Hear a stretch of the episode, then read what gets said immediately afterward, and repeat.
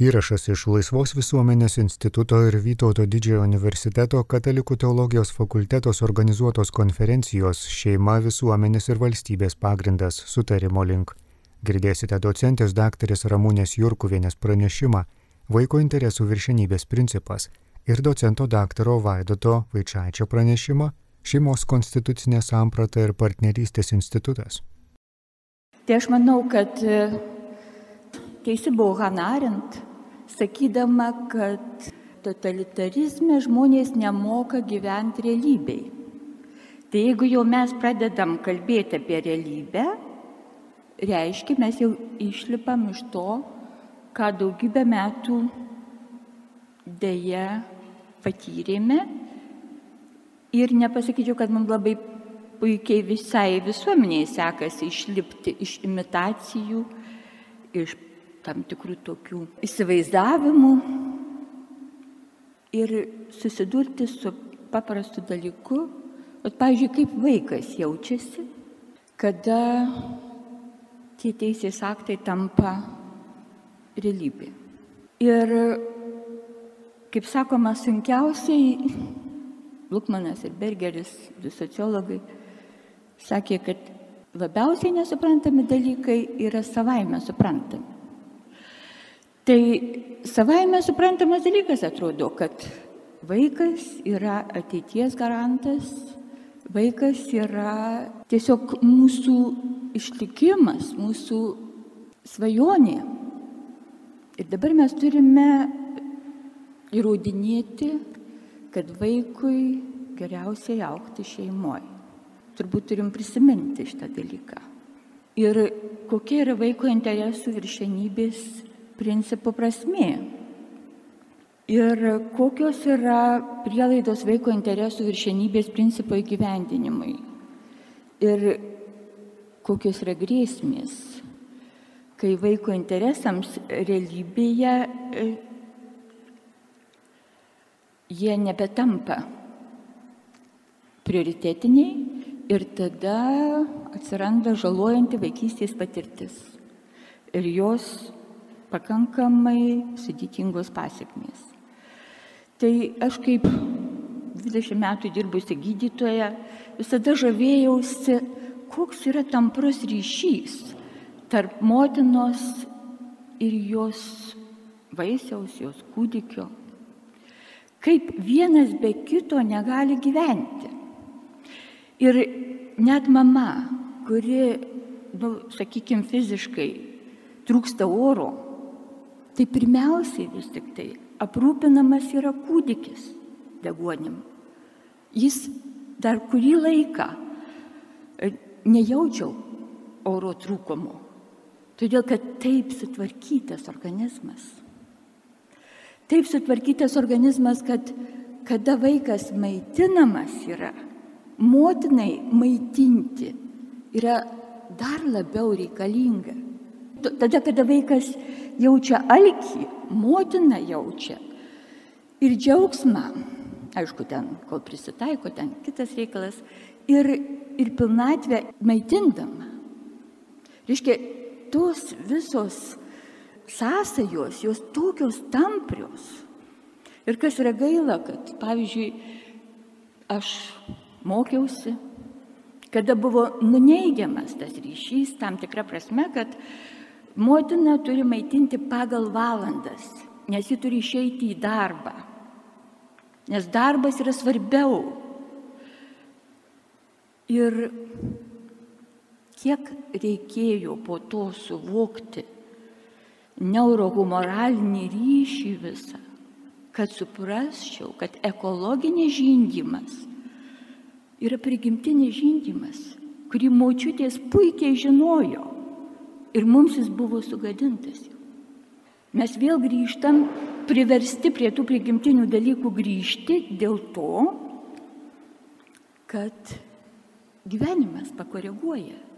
Nes motina, kuri žindo pagal valandas, nebeturi pieno. Tai yra daugybė dalykų, kada jau mūsų viduje prigimti yra daugybė dalykų pasakytų, kaip reikia elgtis. Ir tas vaikų rūpinimasis instinktyviai atliepianti prigimtinius poreikius, daugybę metų atspindėjo visuomenės tvarkoj ir per tradicijas buvo perdodami iš kartos į kartą. Ir visuomenė, kuri galvoja apie ateitį, pirmiausiai rūpinasi vaikais. Ir mes turime daugybę tyrimų, kaip vis tik tai skiriasi motinos vaidmuo ir tam tikrais momentais jis yra nepakeičiamas, nes vaikui motina yra kaip emocinis rezervuaras. Jis palakstė, jam reikia prisiglaus prie mamos. Ir nepakeis niekas jo. Taip, surogatiniai dalykai yra, bet tai nėra tas pats. Kitas momentas, kad vaikai, kurie ankstyvoj vaikystėje ilgą laiką buvo uh, atimti nuo motinos. Jie stokoja empatijos, buvo linkę į paviršutiniškus santykius ir pasižymėjo agresyvaus ir asocialaus elgesio polinkiais. Taip, taip yra.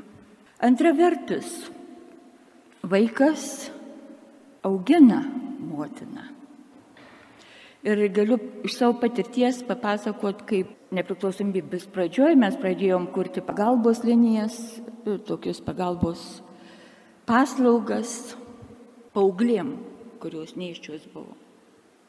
Ir 15 metų mergaitė, kuri penkių metų jau vedėsi broliuką prolekso to tiltą, kad galėtų ilgetauti, nes motina buvo tiek pažeista, kad negalėjo rūpinti savo vaiku. Ir, aišku, jin buvo atimta, tada ji buvo globos namuose, globos namuose išprivartavo ją, ji pradėjo lauktis, nespėjo abortų jai padaryti. Ir aš prieš akis mačiau va, tą moterį, tą merginą, kuriai dar ten įtarinėjo ir šizofreniją, bet iš tikrųjų tai ten buvo potrauminio stresinio sindromo išraiška. Ir atrodytų, nu tai ką jau ten, tokia moteris. Taigi vaikas. Taip, tai buvo ir smurtas, ir traumos, ir buvo daugybė kitų faktorių, dėl kurių daugumoje kalbama, kad reikia daryti abortą. Buvo daug intensyvaus darbo su ją. Ir tikrai jis nebuvo lygia linija einantis. Kada mes jai daugybę dalykų padėjom po mėnesio ir išleidom į namus. Reiškia, sukūrėm jai namus, sukūrėm jai darbą, sukūrėm kur vaiką prižiūrėti. Po mėnesio negrįžo ir net pasą buvau pardavus. Viską buvau praradus nes mes savo tempu su ją dirbom. Pasirodo, su ją reikia dirbti jos tempu. Ir ji pati turi prieiti prie tų dalykų. Tai yra ilgas, sudėtingas darbas. Bet po dešimt metų jinai yra ištekėjus, jinai turi darbą, vyras turi darbą, jos vaikai gauna apdovanojimus už labai gerą elgesį reiškia apsimoka investuoti į šeimą. Reiškia rūpinimasis vaiku, padedant, gali užauginti mamą. Taip, tai nėra lengvi dalykai, tai labai daug investuoti reikia, bet tai apsimoka. Tėvai savo vaidmenį vaikams irgi suteikia ypatingai svarbius gebėjimus. Tėvas pasižymi discipliną. Tėvas yra pavyzdys berniukui. Tėvo buvimas namuose apsaugo vaiką nuo baimės ir stiprina vaiko gebėjimą jausti saugiai. Tėvo vaidmuo - išmokyti vaiką protingai rizikuoti ir gerbti motiną. Ko vienišų mamų šeimose labai sudėtinga pasiekti. arba kažkas tai tą vaidmenį turi irgi atlikti. Tai vaikas yra šeimos sistemos ir pirminių santykių bei vaidmenų įtakoj. Ir tai vadinama pirminė triada - mama, tėvas ir vaikas. Ir per šiuos vaidmenis perduodamos kompetencijos turi vaikui tarnauti kaip jį puoselinti sistema. Yra įdomus momentas, kad amžiaus tarpsniuose skirtinguose skirtingas vaiko motinos arba tėvo vaidmuo ir intensyvumas skirtingas. Jeigu iš pradžių glaudžiasi prie motinos, tai ateina laikas, kada turi tėvas atlikti tam tikrus vaidmenis. Ir šitas balansas Tai yra nuolatinis ieškojimas ir nuolatinis e, žaidimas tam tikras. Ir būti ir mama, ir žmona nėra paprastas dalykas. Ir tas išieškotas santykis nepaprastai didelę įtaką turi vaikui. Ir jeigu mama pagal lyčių lygybės kvotas dirba metalurgijos pramonės vadovybei, kas privaloma yra, nu, pagal kvotas, kad būtų lygiai moterų, lygiai vyrų. Tai mes galim suprasti, kiek jai energijos lieka namie tam, kad atliktų tą sudėtingą santykių reguliavimo vaidmenį. Ir tada mes turim labai daug tų mamų, kurios yra vienišus. Aš jau nekalbu, jeigu šeimoje gimsta, pavyzdžiui, neįgalus vaikas. Jų tarpe mes turim dėje irgi žymiai daugiau vienišų mamų. Bet bendram kontekste pradedama skam, nuskambėti, kad vis tik tai vienišos mamos ir vieniši tėvai dažniau skursta ir panašiai tai gal tada geriau, kad vienos lyties šeimos paimtų vaiką. Ir ta tendencija, jeigu mes matom tam tikrą tarp to, kad būtinai reikia užtikrinti lyčių lygybę ir tarp kitų dalykų, kol kas koreliacijos nėra išvedinėjamos. Bet kas išvalgesnis gali jas ir pastebėti. Taigi, kitas momentas.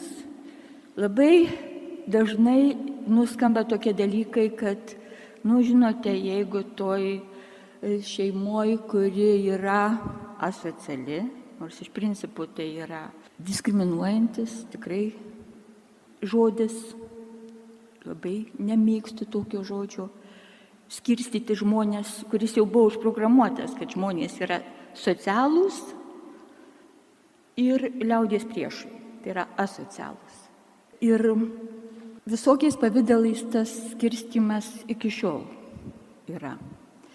Bet aš noriu pasakyti, kad tos šeimos, kuriuom tikrai sudėtinga, kurios yra dabar vadinamos e, socialinės rizikos šeimos, ir kur daug priklausomybių, smurto, dar visokių kitokių dalykų.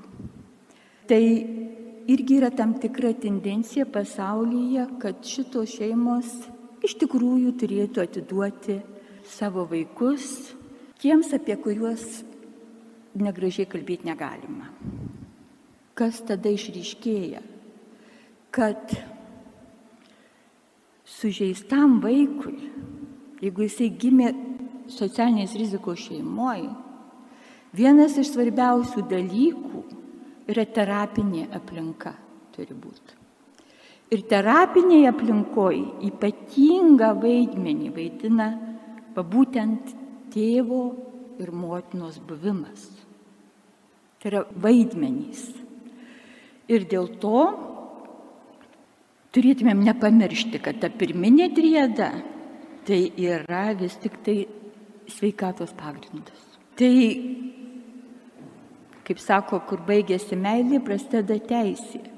Tai ten, kur prigimtiniai dalykai truputėlį pakeičiami teisė arba įtvirtinamos prigimtinės teisės, tai vaikas suprantamas ir jungtinių tautų vaiko teisų konvencijoje, kad vis tik tai sutarta yra, kad vaikas visapusiškai ir harmoningai vystytis gali tik augdamas šeimoje ir ten jam turi būti suteikta reikiama apsauga ir pagalba. Ir sutarta, kad šeimoje ir apskritai, kur vaikas yra visuomenės prasme traktuojamas, tai svarbiausia yra vaiko interesai. Kokia tai yra esmė, kodėl mes taip pabrėžiam tos vaiko interesus? Nes visi suprantam, kad vis tik tai pats silpniausias ir pažeidžiamiausias suaugusių pasaulyje yra vaikas. Ir būdamas unikalus, kiekvienas vaikas būdamas unikalus, nepaprastai susijęta su aplinka. Ir visuomeniai, kurioje vyrauja jėga, vaikas turėtų būti apsaugotas, kad netaptų išnaudojimu objektų. Ir mes turime modelius tam tikrus. Ir jeigu mes pirmiausiai rūpinamės vaiku ir vaikų šeimoj ir tam vaikui aukti padeda aplinka, visas kaimas, ir jeigu jam padeda visuomenė ir padeda teisė sauga, teisė tvarka, teisė kūra, tai tokia visuomenė tikrai galvoja apie ateitį. Bet tada, kada visi pirmiausia yra visuomenės interesai ir kada valdininkas yra žymiai didesnė jėga turintis negu tėvas ar motina, tada mes turim tą vienišą vaiką, kuris kenčia labiausiai. Ir ką reiškia kenčia? Mes kalbam apie smurtą, mes kalbam apie išleistumą, bet tiesiog yra gausybė tyrimų, kuriuos tiesiog įvardina kaip žalojanti vaikystės patirtis. Ir ta žalojanti vaikystės patirtis eina, tai veikia sveikatą ir net suaugę, jie turi pasiekmes to, kad jų ta vaikystės patirtis juo žalojo. Ir kada buvo apklausta apie 17 tūkstančių asmenų sergančių asmenų lėtiniam lygom, paaiškėjo, kad tik 3 procentai iš jų neturėjo žalojančios vaikystės patirties. Ir labai svarbus yra momentas, kad mes nesupainiotumėm meilės su emocijų pliūpsniu, su pataikavimu vaikui. Tai yra vienas kraštutinumas kada mes ypatingai daug brandumo reikalaujantys dalykai, kad nesupainiotumėm, hiperglobos nevadintumėm meilę, kada viską už vaiką sprendžiam ir neleidžiam jam patirti ir manom, kad labai saugiai jį laikom, bet neparuošiam gyvenimui ir pateikavimu. Ir šitie dalykai, jie neleidžia vaikui išmokti toleruoti neapibrieštumo, išbūti aplinkų įtampoj, rasti autentiškus būdus įtampai įveikti. Tai ką aš norėčiau pasakyti, kad mes labai retai galvojam apie teisę būti brandžių suaugusių. Vaiko teisės žiūrėdami, žiūrim, kad ten jis nebūtų tarp išgėrusių, kad jis nebūtų ten kitaip nuskriaustas tuo momentu, bet užmirštam, kad būti brandžių suaugusiu tai yra mūsų orientyras. Ir iki kiek vaikas pagarbiai traktuojamas, priklauso, koks pasitikėjimo santykis bus su juo, bet prie pagarbaus traktavimo ir ribų uždėjimas yra labai svarbus momentas. Ir kai suaugę pareiškia norą įsigyti vaiką, iškyla didelis pavojus vaiko interesų viršenybės principui. Nes jis labai lengvai gali būti traktuojamas kaip nuosavybė ir kaip įrankis savo emociniams poreikiams tenkinti. Vaikui ne visada sudaromos galimybės mokyti skirtingų lyčių kompetencijų. Ir toks, tokie norai, saugusių nebrandumo išraiška, labai dažnai gali sudaryti prielaidas vaikui įgyti žalojančią vaikystės patirtį ir paveikti jo fizinę ir psichinę sveikatą. Ačiū. Dėkoju docentai daktarai Ramūniai Jurkuviniai už tai, kad iš tikrųjų mums visiems priminė vaiko interesų viršenybės principo reikšmę, kalbant apie šeimos problemas. Ir dabar šitą konferencijos dalį, pranešimų dalį pabaigs docentas daktaras Vaidotas Vaičaitis, pranešimų šeimos konstitucinė samprata ir partnerystės institutas. Prašau. Ačiū Vytai už kvietimą. Ir žinot, mes čia su Eglė Lumenskaitė, kai važiavom iš Vilnius į Kauną ir galvojam, kur čia mes važiuojam. Kokia čia prasme kalbėti apie tai, kai niekas atrodo nenori tavęs klausyti, tu kalbi, kalbi, rašai, rašai, jokios, jokios reakcijos nėra. Bet nu, čia tik tai atvažiavus ir, ir, ir pabuvus, pamačius tuos žmonės, kažkaip ta, ta, ta reikšmė kažkaip tai iš, išryškėja iš tikrųjų ne tik dėl tos e, knygelės, kuri čia e, dalinama visiems, bet, bet ir dėl to, dėl to buvimo kartu, dėl pamatymo žmonių, kiek yra įvairių žmonių ir kiek, kaip galima kalbėti apie šeimą ir, ir apie šeimos sampratą iš, iš, iš įvairių perspektyvų.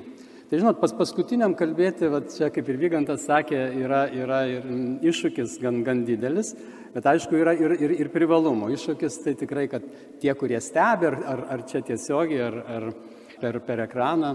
Gal aš pasakysiu keletą momentų. Tai, tai žinot, kokia pirma mintis atėjo čia atvykus. Pirma mintis atėjo, kad bažnyčia dabar gali būti beveik viena vieta, kur galima kalbėti, pasakyti savo nuomonę ir negalvoti apie tai, kad tu gali būti, nu, kažkaip nukentėti už savo nuomonės pasakymą, pavyzdžiui, apie, apie šeimą. Ir tada, aišku, klausimas dar, gaila, čia ne, ne, nebėra hierarchų, klausimas, ar ilgai dar bažnyčia bus tokia vieta. Šiandien aš tikiu, kad, kad jinai dar, dar yra tokia. Kitas dalykas, kuris man labai svarbus ir, ir, ir nuskambėjo, kad Lietuva neturėtų bijoti būti pavyzdys kitiems šalims, kitoms šalims.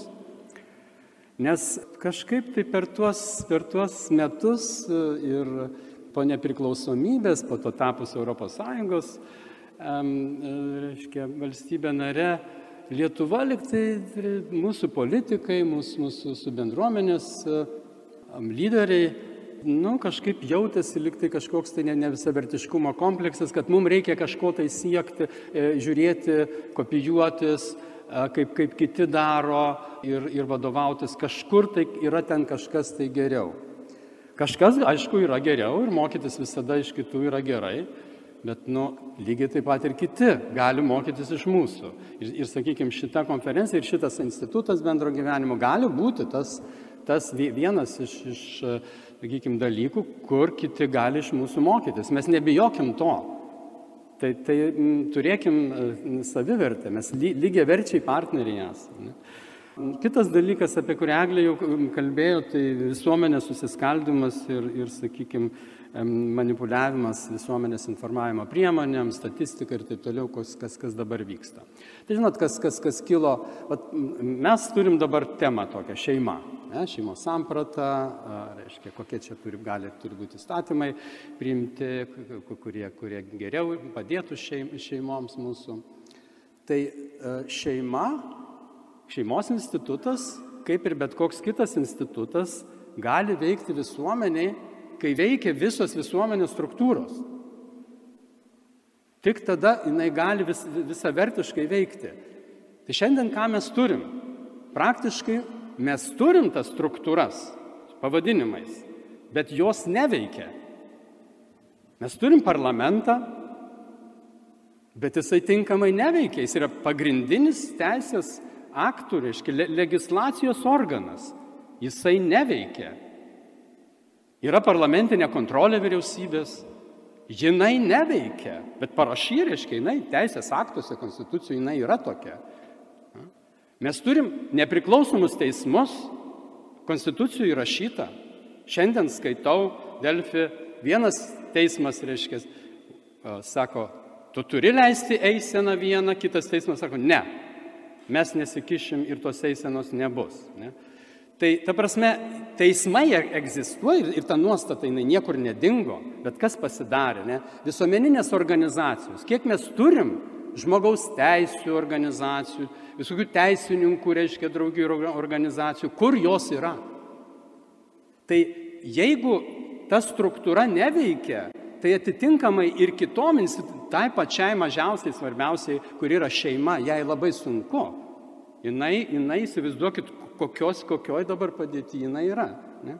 Ir čia vat, kaip tik um, Ramūnė užbaigė, reiškia, vaikas negali būti objektas ir įrankis. Ne? Tai kartais mes, e, kai kurie, reiškia, žmonės jaučiasi, kad ne tik vaikas, bet visi mes piliečiai esame objektas valdžios.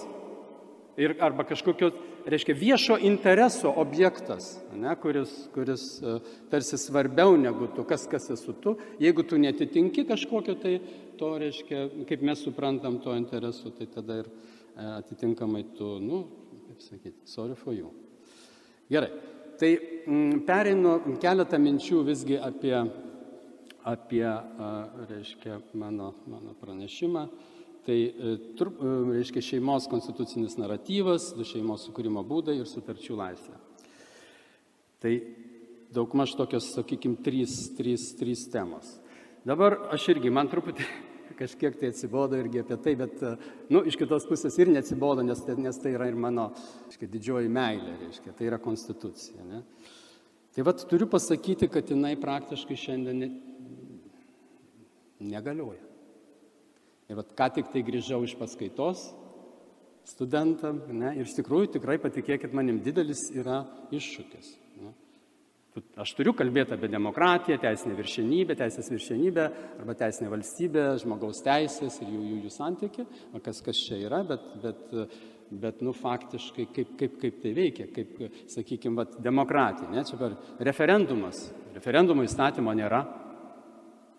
Parlamentarizmas lyg tai yra, bet jau minėjau, reiškia, e, pagrindiniai teisės aktai priimti vyriausybės, parlamentinė vyriausybės kontrolė ne, neegzistuoja. Tai ta, apie ką man kalbėti? Tik tai apie tai, kas, te, kas užrašyta kažkur tai formaliai ant popieriaus. Ne? Tai va, ir čia iš tikrųjų labai parodo, kad konstitucija tai nėra parašytas popierius. Mes turim ją įgyvendinti, jinai neturi rankų ir kojų, čia panašiai kaip e, kunigas sako per pamokslą, reiškia, e, Kristus neturi, negali, reiškia, jis neturi kitų kojų rankų, tik tai tave. Lygiai taip pat su konstitucija. Mes turim ją įgyvendinti. Mes visi, jeigu mes jaučiamės, kad, kad mes esame diskriminuojami, jeigu mes jaučiamės, kad iš mūsų atimamos teisės, ne, mes turim ją įgyvendinti. Niekas už mus nepadarys šito. Tai va, tai dabar, kodėl aš kalbu apie, apie konstituciją ir man nenusibosta? Todėl mes neturim kitos sutarties, kuria galėtume vadovautis. Nėra jos. Yra šventas raštas, bet ne visi yra tikintis. Ne visi gali juo vadovauti ir neprivalo. Konstitucija yra pagrindinė visuomeninė sutartis, kurią mes galime remtis. Jeigu nepatinka, mes ją galime keisti. Bet jinai kaip Ronaldas Vorkinas čia vygantas kalbėjo, reiškia, taking right seriously. Sakau, taking constitution seriously. Rimtai žiūrėkim į konstituciją, pažiūrėkim dabar, dabartinį visuomeninį politinį diskursą apie įvairius dalykus, kas vyksta. Ne? Tai, tai ar, ar yra rimtai žiūrima į konstituciją? Ne? Yra interesai kažkokie tai, ne? ir jie yra daug aukščiau negu, ne, negu konstitucija. Tai mes kito, kito neturim. Tai dabar, kas konstitucija yra, ir čia man labai svarbu pasakyti kad konstitucija ne tik tai yra tam tikras, sakykime, reiškia, ta, ta sutartis, bet tai yra balansas, tai yra balansas, tai yra, nu, sakykime, tam tikras proporcingumas tarp pagrindinių tų, sakykime, vertybių - teisinė valstybė, demokratija ir, ir, ir žmogaus teisės, arba, sakykime, teisinė valstybė kaip tradicija tam tikra paveldėta, arba demokratija kaip daugumos interesas ir, ar, ar žmogaus teisės kaip, kaip individuo interesai. Mes turim rasti balansą, mes turim rasti kažkaip tai, reiškia, iki šiol bent 30 metų Lietuvoje tai veikia, tai veikia. Kodėl dabar tai negali veikti? Tai turi galėti veikti. Tai reiškia, kad, e, sakykime, kai mes kalbam, vat, mes, mes kalbam, kad dabar yra kažkoks labai svarbus visuomeninis interesas ir visi turi paklūsti. Ne? Tai mums primena, kurie atsimenam su, su, sovietmetį, reiškia, kad buvo tam tikras kažkoks tai bendras politinis interesas, į, į, kuriam turėjom visi paklūsti, jeigu tu nepaklūsti, tu, tu esi, reiškia, socialiniam tam tikram užribį.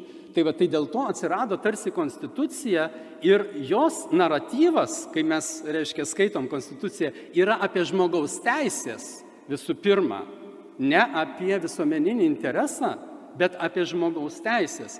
Ir man labai įdomu, kad, sakykime, per tuos 30 metų Ką man reikėjo daryti, tai kai, kai, kai matydavau, kai, kai atrodo, kad per daug žmogaus teisės yra iškeliamos, tai reiškia neatsižvelgiama į kitus, sakykime, gėrius, ne, tai liktai reikėjo priminti, kad, kad, kad yra ir kiti gėriai, sakykime, ta, ta sakykime, demokratija ir, ir, ir teisinė valstybė kaip tam tikra tra, paveldėta tradicija, tai dabar viskas apsivertė aukštinkojom.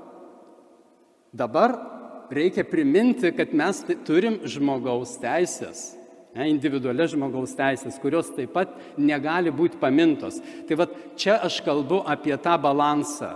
Konstitucija, mes turim rasti balansą ir čia viskupas Kestutis kalbėjo apie tai, sako, kur tos ribos yra, iki kur mes galime. Ribos, ribas mes nusistatom, mes turim rasti balansą. Mes sugebėjom rasti balansą tarp šitų trijų vertybių a, 30 metų ir mes turim dabar rasti.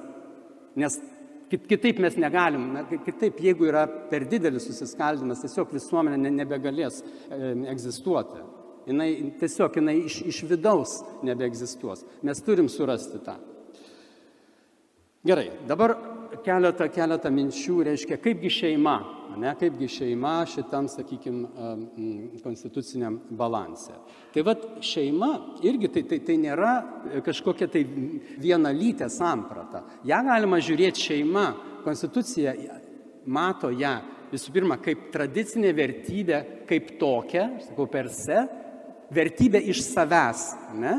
Ir sako, kaip šeima yra valstybės ir visuomenės pagrindas. Tai čia irgi pati šeima kaip tokia, jinai tokia svarbi valstybei, kad jinai pati, jinai iš savęs yra verti. Ne dėl to, kad jinai užtikrina, kad jin padeda žmogaus teisėm. Jin pati kaip lastelė, jin pati yra vertybė. Ne? Bet iš kitos pusės į šeimą galima žiūrėti ir iš individuo interesų, ne, ir žmogaus teisų interesų, ir konstitucija taip pat reiškia, sako, kad draudžiama kištis į žmogaus, pavyzdžiui, asmenį šeimininį gyvenimą, ne, arba, sakykime, tėvų e, teisės, e, reiškia, auklėti savo vaikus, arba kad draudžiama versti, e, duoti parodymus prieš savo šeimos narius. Čia šitos nuostatos konstitucijos pristato šeimą kaip individuo teisę į šeimą. Ne? Ne kaip visuomenė, nes, e, reiškia, tradicinė vertybė, bet kaip į individuo teisę. Na ir aišku, galima žiūrėti šeimą kaip, kaip tam tikrą, reiškia, iš to bendrojo gėrio arba daugumos interesų.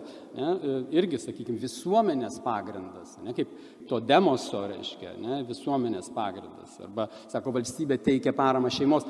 Įstatymo nustatyta tvarka, va, tai reiškia, parlamentas priima įstatymus. Ne, arba, kaip minėjau, svarbiausia valstybės tautos klausimai sprendžiami referendumu. Ne, čia čia kai kas sako, kad negali būti, reiškia, šeimos klausimai, reiškia, sprendžiami referendumu. Gali būti, ne? tai yra svarbiausia ir pagal Konstitucijos 38, kai man sako, tai yra svarbiausia, yra visuomenės ir valstybės pagrindas. Ne? Tik tai problema yra, va, aš apeliuoju į keletą Seimo narių, kurie, kurie dar liko, negali tai būti, kad valstybei nebūtų referendumo įstatymo. Taip negali būti. Dar keletą minčių, reiškia, tai visgi, kodėl aš kalbu apie šeimos tokį konstitucinį naratyvą. Matot, konstitucija neprivalo vis, visko de, detaliai reguliuoti, tada nebebūtų konstitucija. Konstitucija kažkaip reguliuoja viską principų prasme, ne normų, ne taisyklių, bet principų prasme. Ne? Tai vad e, visgi labai svarbu suprasti, koks yra tas konstitucinis pasakojimas apie šeimą. Taip, jinai ne viską sureguliuoja, bet iš kitos pusės labai svarbu suprasti, ką jinai, apie ką jinai kalba. Nes, kodėl aš taip sakau? Todėl, kad tai, kas yra konstitucijų apie šeimą paminėta, galim sakyti, tai yra svarbiau negu tai, kas, pavyzdžiui, Seimo įstatymų paminėta apie šeimą, nes tai yra visai kit, kitas ligmuo. Ne, tai yra konstitucinis ligmuo ir jisai yra svarbesnis. Ne? Ir dabar pažiūrėkim, kas, kasgi yra, reiškia, va, ta šeima yra visuomenės valstybės pagrindas. Ne? Iš vienos pusės vertybė kaip iš savęs ne, ir kartu kaip, kaip individuo teisė. Konstitucija pristato šeimą kaip tam tikrą teisinę autonomiją. Reiškia, valstybė turi tam tikras ribas. Jis negali kištis į šeimą ir sakyti, žinai, tu gyvenk, valgyk pusryčius tada arba auglėk visiškai taip, taip vaikus, ne, ne, ne, nebent būtų smurtas ar, ar tenai kiti teisės pažeidimai. Ne, nu, negali į šeimos, reiškia, tradicijas kištis. Ne, šeima kaip kitos institucijos, sakykime, nu čia e, truputį kitokios, ne, universitetai ar, ar, ar, ar vietos savivalda, ar tautinės bendrijos pagal konstituciją turi savo autonomiją. Tai šeima irgi turi pagal konstituciją savo.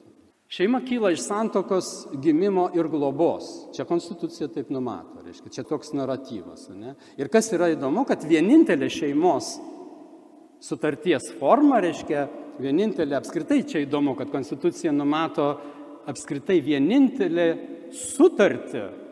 Reiškia, yra sutarčių teisė ne, ir sutarčių laisvė. Daug galim sutarčių sudarinėti. Tai konstitucija numato, mini tik vieną sutartį tarp individualių asmenų, turiu omeny. Tai yra santoka. Kitos sutarčių konstitucija net nemini. Tai pažiūrėkit, kokia svarbi, kokia svarbi šita sutartis yra. Ne? Pagal konstitucinį naratyvą aš sakau. Ne? Vėl konstitucija kalba apie tą nuklearinę šeimos sampratą, tai yra būtent tėvai, vaikai, e, globėjai, globotiniai, ta siauresnė. Konstitucija kalba apie tai, kad, reiškia, iškelia šeimas auginančias vaikus. Ir suprantam turbūt dėl ko. Ne? Nu ir kiti, aišku, šeimos požymiai jau čia buvo pirmoji daly minėti, tai teisės ir pareigos viens kito atžvilgių, teisė į bendro gyvenimo privatumą, teisė viens kito lojalumą ir, ir teisų paveldėjimą. Štai koks, tiesa, dar ko nepaminėjau, reiškia, kad pagal konstituciją, reiškia, valstybė pripažįsta ir religinę santokos, reiškia, registraciją. Tai čia irgi labai svarbus momentas, kažkaip kartais mes tą, tą užmirštam. Tai, va, tai manau, kad labai svarbu suprasti, koks yra konstitucinis šeimos naratyvas ir nuo jo, atsis, kaip sakyt, atsispirti, ne, ir kad galėtume kurti toliau, sakykime, vystyti tą, tą, tą šeimos e, sampratą. Tai ir dabar e, pabaigai reiškia jo sutarčių sampratą ir, ir, ir, ir šeimos sampratą ir sutarčių laisvę. Tai suprantam, kad iš tikrųjų sutartis gali būti, nes čia vis tiek čia yra apie, apie partnerystę kažkiek, tai, ne, tai sutartis gali būti um, įvairios ir, ir iš tikrųjų mūsų teisinės, kaip, kaip ir kiekvienos uh, demokratinės valstybės teisinės sistemoje, galioja sutarčių laisvės principas, nes valstybė negali kištis, su kuo, uh, reiškia, aš noriu kokias sutartis uh, sudarinėti. Jis tiesa konstitucijoje nepaminėta tiesiogiai, bet galim sakyti, kad tai teisinės valstybės principų sudėdamoji dalis. Ir todėl, kad jeigu, jeigu įstatymė šalia santokos būtų numatyta ir kitų sutarčių, nu, pretenduojančių į, į šeimos atsiradimo pagrindus, mano manimu, tai galėtų netitikti konstitucijoje įtvirtintos šeimos kaip visuomenės ir valstybės pagrindo principo ir kartu konstitucijos keitimo mechanizmo. Dar kartą kartuoju, konstitucijoje neprivalo būti viskas deta, detaliai numatyta, bet konstitucijoje kitokių sutarčių, kurių pagrindu galėtų atsirasti šeimos santykiai, nėra. Tai todėl tas, sakykime, ta konkurencija, jeigu tokia sutartis atsirastų ordinarinio įstatymo pagrindu, vis tiek tam tikras disonansas su konstituciniu naratyvu išliktų. Aš negaliu sakyti tiesiogiai, kad tai tikrai prieštarautų konstitucijai, bet bent jau šitą klausimą galima būtų nagrinėti ir šitaip kelti. Girdėjote docentės daktarės Ramūnės Jurkuvienės pranešimą Vaiko interesų viršenybės principas ir docento daktaro Vaidoto Vaičiaičio pranešimą Šeimos konstitucinė samprata ir partnerystės institutas. Įrašas iš Laisvos visuomenės instituto ir Vytauto didžiojo universiteto katalikų teologijos fakulteto organizuotos konferencijos Šeima visuomenės ir valstybės pagrindas sutarimo link